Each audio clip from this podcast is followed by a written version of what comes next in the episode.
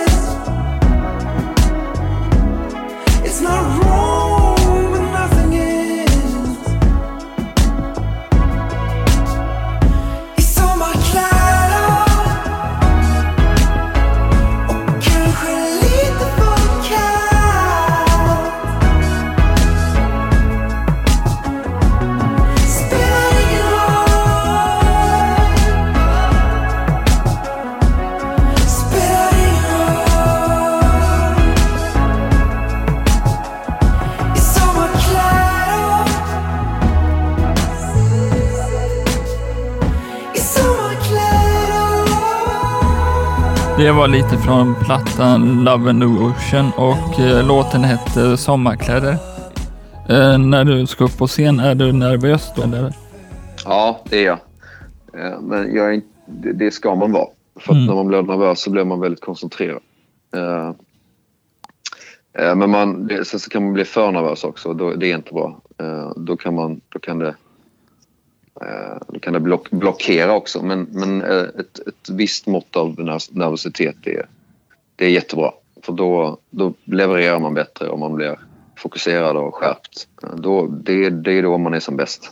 Så att svaret på frågan är ja, jag är absolut nervös. Hur förbereder du dig när du ska upp på scen? Förhoppningsvis har man repat ordentligt innan man går upp på scen med sitt band. Mm. Eh, och det är egentligen de förberedelser som behövs. Sen kan, man, kan det vara skönt att sätta på sig eh, kläder som på något sätt eh, eh, rimmar med musiken. Eh, det kan vara skönt att eh, samlas som grupp innan och prata om vad det är man ska göra, prata igenom spelningen. Men ofta så, så brukar vi mest bara ha det trevligt innan och skapa en liten bubbla. Det, det blir oftast bäst om, om, om bandet eh, hänger ihop innan. Ibland så är det väldigt splittrat och det är massa folk överallt och det, det är inte lika bra.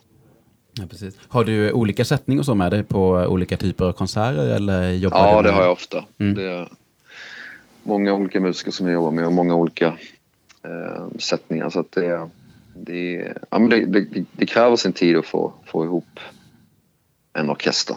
Ja, men- det verkligen. Precis, det förstår jag. Efter en lång dag, och vad lyssnar du på för musik? Alltså, efter en lång dag i studion Ja, det, det tråkiga svaret är att då orkar jag nog oftast inte lyssna på någon musik. Eh, för att då är öronen väldigt trötta. Och sen också när man är inne i en skiv, skivperiod så kan det vara ganska farligt att lyssna på annan musik. För man, blir, man är väldigt lätt influerad och man kan bli nedslagen av att andra är så himla bra och man tycker att man själv är inte lika bra. Ja, just det. Det är väl- väldigt lätt att bli eh, självkritisk i den kreativa processen. Verkligen, verkligen. Men hur jobbar du? Ska, ska man liksom se det som att när du är i, den, eh, i studion och, och skapar på det sättet, då, det, då försöker du helt enkelt minimera intrycken från annan musik? Ja, alltså det är både och. Samtidigt är det också så här att när man, när man sitter i studion och, och kör fast och inte riktigt vet hur man ska ta sig vidare, då är det också ett väldigt enkelt eh, grepp. Sätta sig ner en timme och lyssna på grejer som man tycker om eller som, man, eller som är nysläppta eller som är gamla och sådär. För att få inspiration av andra och se hur de har löst ett problem. Så att det händer ju faktiskt väldigt ofta att man Ja. referenslyssnar som det heter. Ja, men precis. eh, du var fantastisk i Babel eh, när du tolkade Johan Jönsson. Hur kommer detta sig? Ja, det var ju Babel som, som ringde och frågade om jag inte ville tolka en poet. Mm. Eh, då bad jag om att få en lista på vilka poeter de kunde tänka sig. Eh, och då såg jag att ja, såklart så var Karin Boye där och Tranström och Kristina Lugn och de, de stora kända poeterna. Eh, men så såg jag att Johan Jönssons namn var där och jag tänkte att det är nog bara jag av mina kollegor som faktiskt vet vem han är och har läst honom och skulle ta sig an honom för att eh, han, är, han är inte så känd och han är också ganska obehaglig. Eh, jag tänkte att det, hade varit, det var en rolig utmaning att, eh, att plocka honom. Men redan nu blir det oerhört storslaget. Nästan så att man svimmar faktiskt. Jonathan Johansson, varsågod.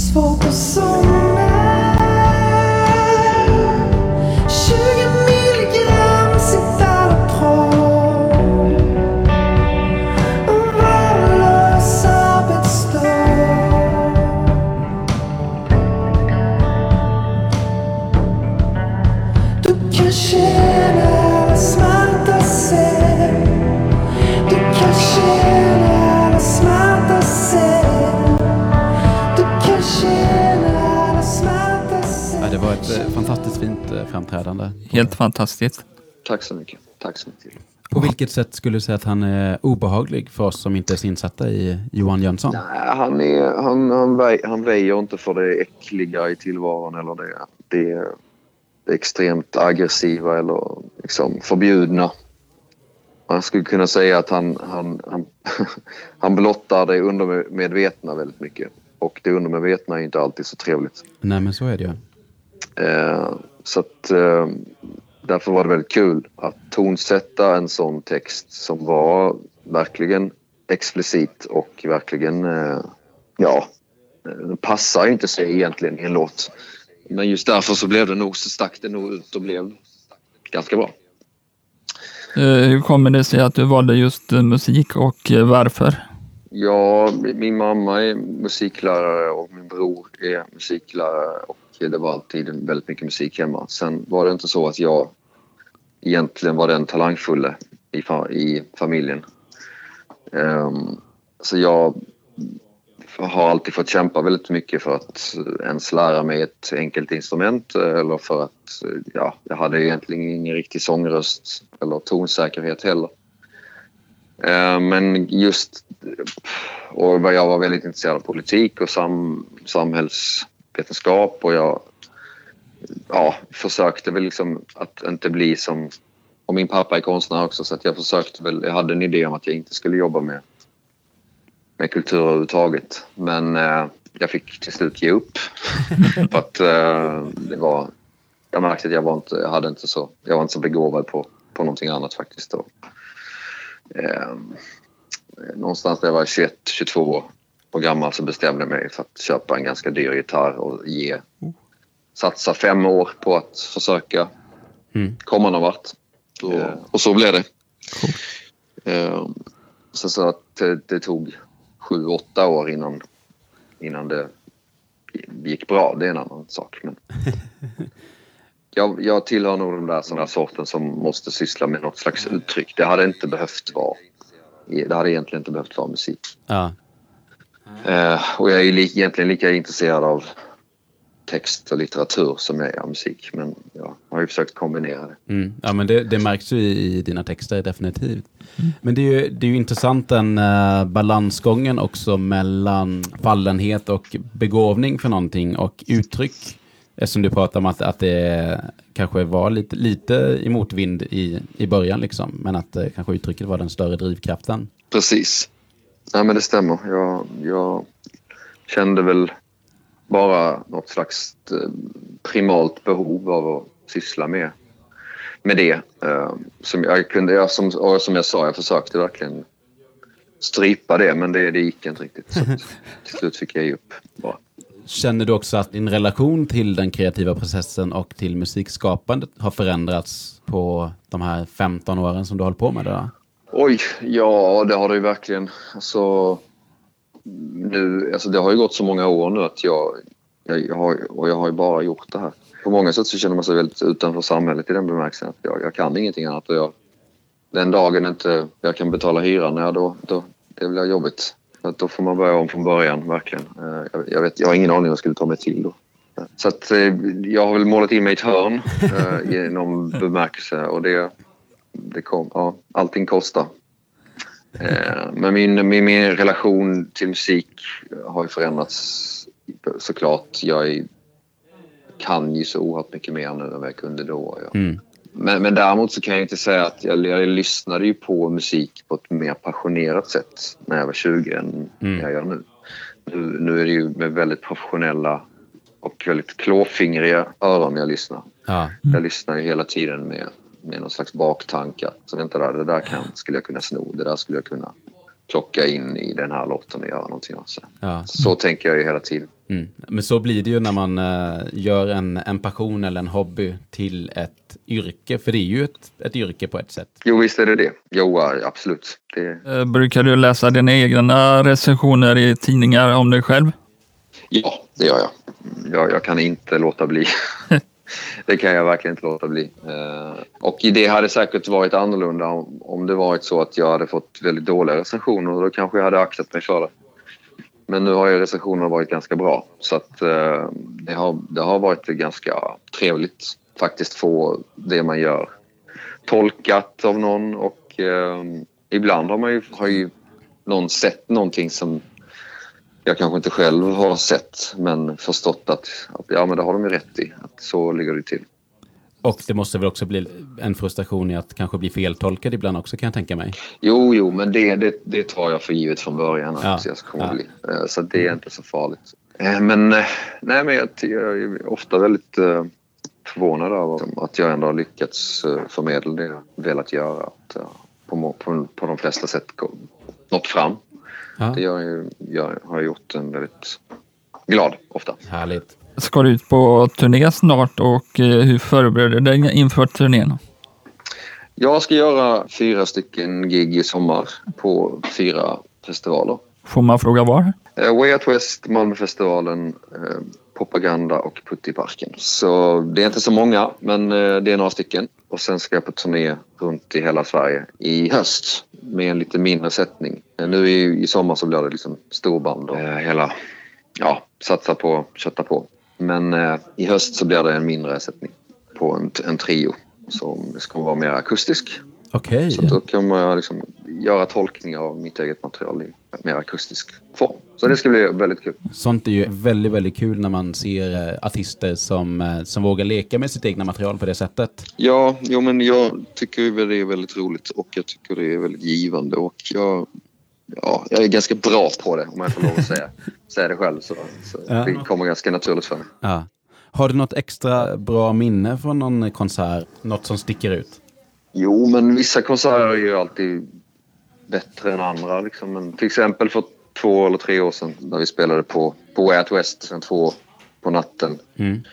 och eh, det var fullsatt. Ja, Då, ja, då kände jag mig som en riktig popstjärna faktiskt. Det, det händer inte så ofta. Men, Var det på Göteborgsoperan då? eh, nej, det var ute på Bananpiren var det. Ja, okej, just det, just det. Just det. Nej, eh, Första eh, sommaren de hade det där ute. Det, Ja, var, precis. det var fullsatt och det var, ja, det var fantastiskt. Ja, det kan jag Det var helt mig. fantastiskt. Det är ju, det är ju Stay Out West-spelningarna som är de bästa på uh, Way Out West. eh, Ja, det är ju så ofta. Det är verkligen så.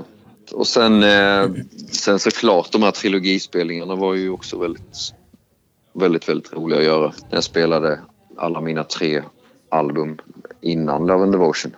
Eh, spelade jag, gjorde jag Göteborg, Malmö, Stockholm. Det var ju otroligt kul att göra faktiskt. Det, Vad var det som gjorde att de eh, var så extra roliga då?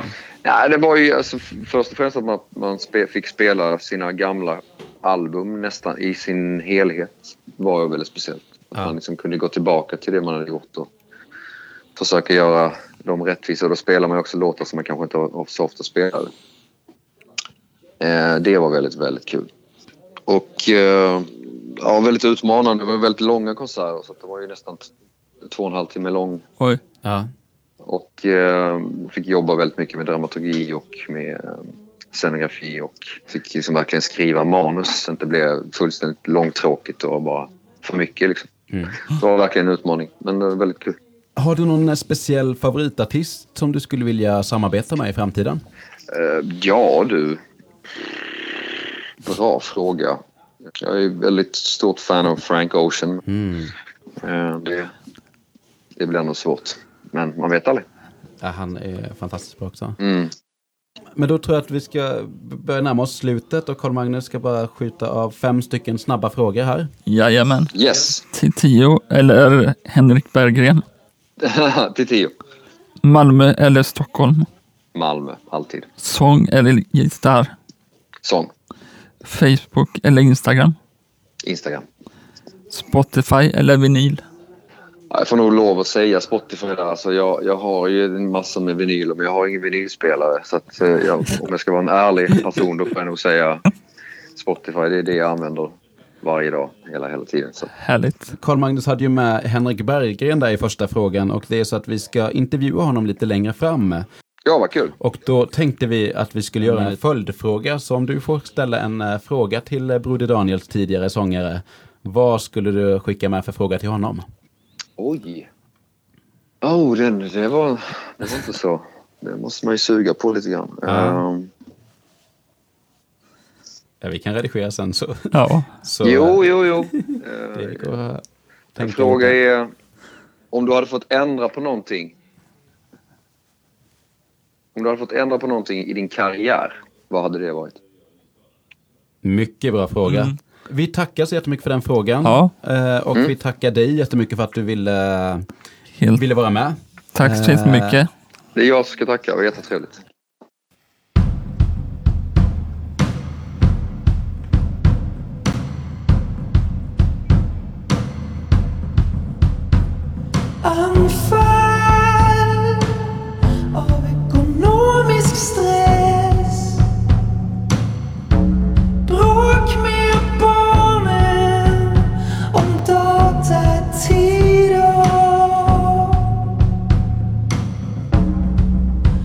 Svårt att